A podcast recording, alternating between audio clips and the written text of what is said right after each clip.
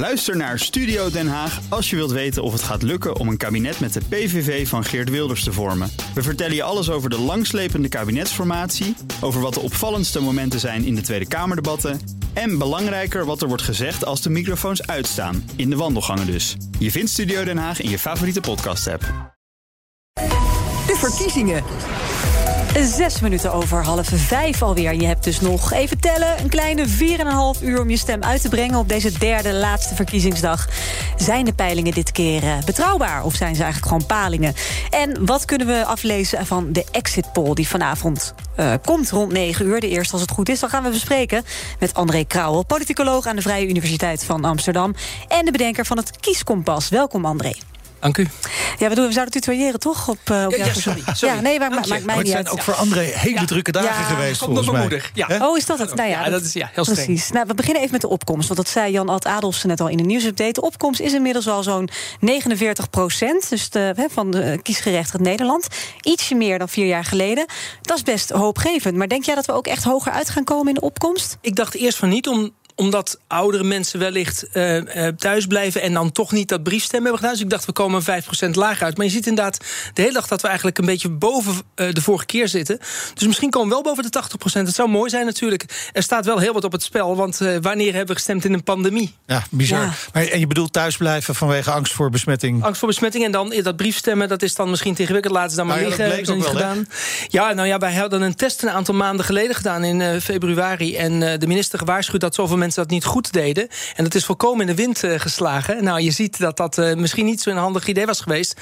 Daar ze hadden echt op moeten letten. Het is echt ingewikkelder dan je denkt ja. voor veel mensen. Ja. Stel nou dat inderdaad wat meer kwetsbare groepen toch thuis blijven... en die ook niet per post hebben gestemd. Um, uh, en stel, als dat dachten we, dat was het idee. Stel, zij komen toch. Um, de rijen zijn langer, de opkomstpercentage is hoger. Wat voor impact kan dat dan hebben op de uitslag, denk jij? Als zeg maar oudere mensen meer komen of wegblijven... Ja. dan is dat vooral gunstig voor Partij van Arbeid, CDA, PVV en SP. Dat zijn zeg maar de partijen met de oudste electoraat, om dat maar even oneerbaar uh, te zeggen. Mhm. Uh -huh. uh, en als uh, veel jongeren opkomen, dat kan ook, hè, dat nieuwe kiezers heel enthousiast van worden, of juist vinden dat mijn vrijheid is beperkt, ik ga. Hè, dan profiteren de jongste partijen van GroenLinks, maar ook Forum voor Democratie. Dus er is een flink verschil in leeftijdsgroepen in termen van stemgedrag. Mm -hmm. Dat is overigens tussen mannen en vrouwen een heel groot verschil is.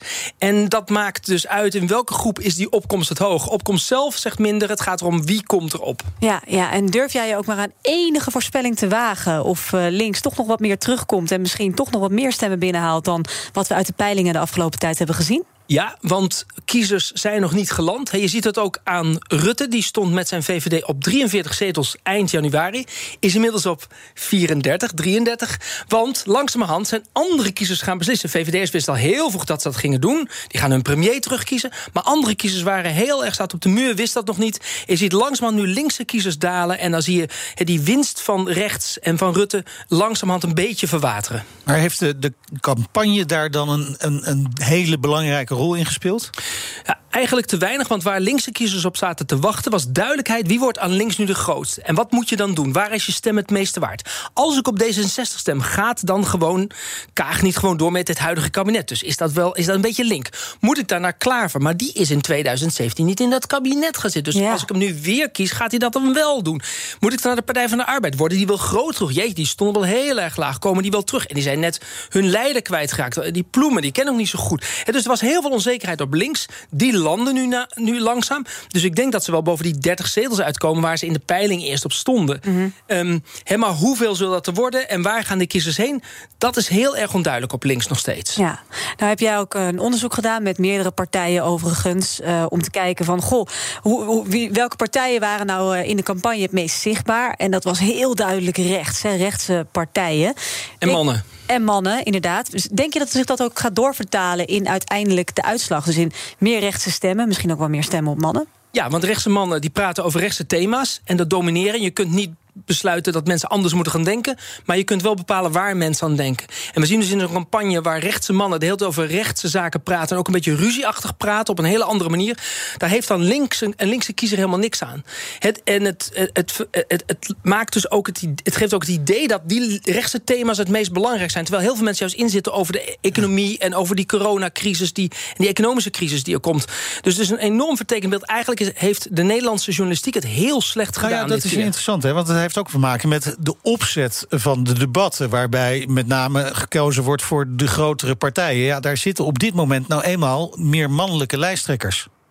Nou ja, maar je kan ook een andere format kiezen. Namelijk bijvoorbeeld. Ja, nee, precies. Maar eens even kijken naar waar dus is de meeste uitwisseling tussen. En waar hebben de mensen informatie over? Wat heb ik aan een debat tussen uh, de Partij van de Arbeid en ChristenUnie? Er is haast geen uitwisseling tussen. Wat heb ik aan een debat voor de tigste keer tussen Wilders en, uh, Rutte. en Rutte? Die gaan toch niet met elkaar ja, regeren. Of Ploem en Marijnis, uh, die gewoon precies hetzelfde zeiden.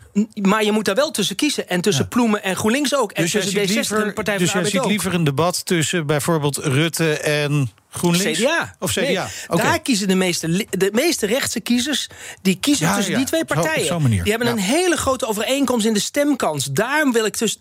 De rechtse kiezers moeten tussen die twee willen kiezen. Wie wil die daarvan hebben? En dat meneer Hoekstra dan tien keer tegen een, een vrouw loopt te onderbreken... dat is heel goed voor onze statistiek... want dan praat, praat rechtse mannen dwars door linkse vrouwen heen.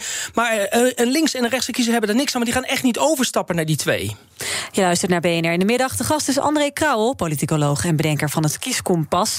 Nog even terug naar die zwevende kiezers. Een heel groot deel, eerder nog twee derde van Nederland die zweeft... en nu was het nog vandaag een derde. Denk je dat de uitkomst daardoor vanavond onzekerder is dan ooit, die exit poll? Ja, ik verwacht als je naar de laatste peiling kijkt... Peilingwijzer heeft een soort aggregatie van al die peilingen... dat daar nog best een verschil van vier of vijf of zes zetels bij een partij kan zitten. Zo groot is dat. Ja, en dat maar ze hebben nu al een marge, toch? Vaak van vier ze hebben nu zetels. twee of drie zetels, vaak soms wel vier zetels. Maar ik denk dus dat ze daar boven dat-. Boven Ja, die marge gaan uitsteken. Waarom? Omdat we aan het begin van de week nog zagen... dat 40% nog niet had besloten.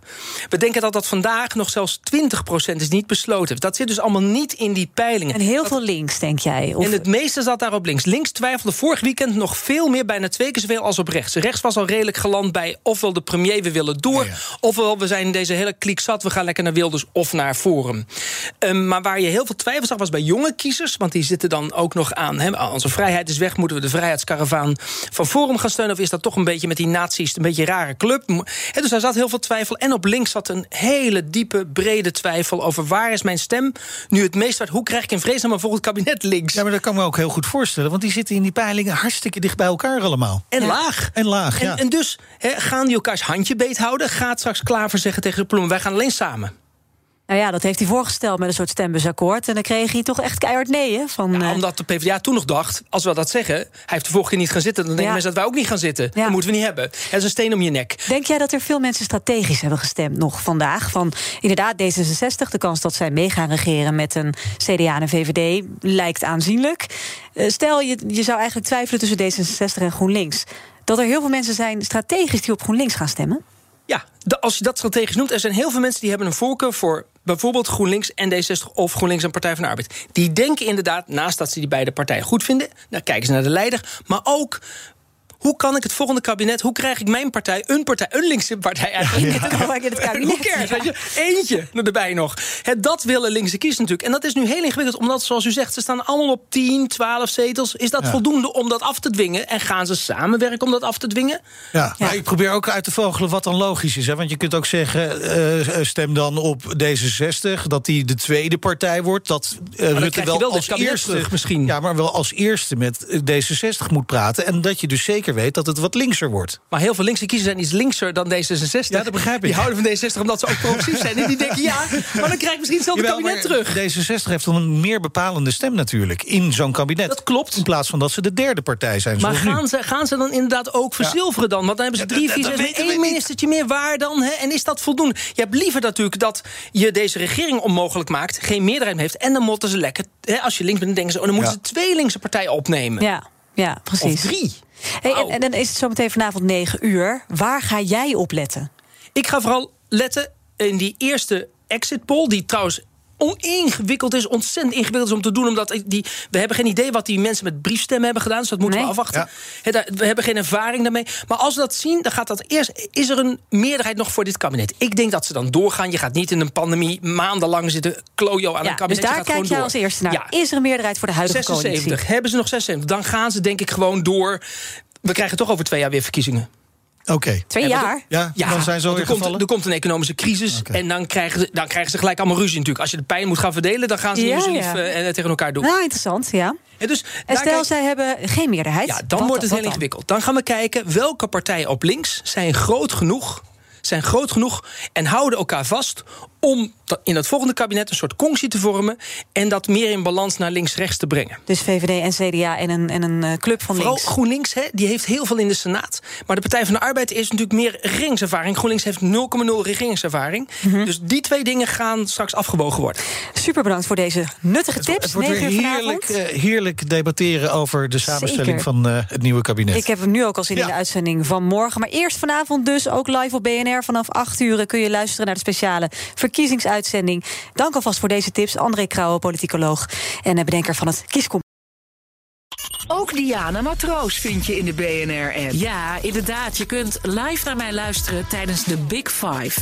Ook handig in de BNR-app. Breaking nieuwsmeldingen, maar ook het allerlaatste zakelijke nieuws. En je vindt in de app alle BNR-podcasts, waaronder Wetenschap Vandaag. Download nu de gratis BNR-app en blijf scherp.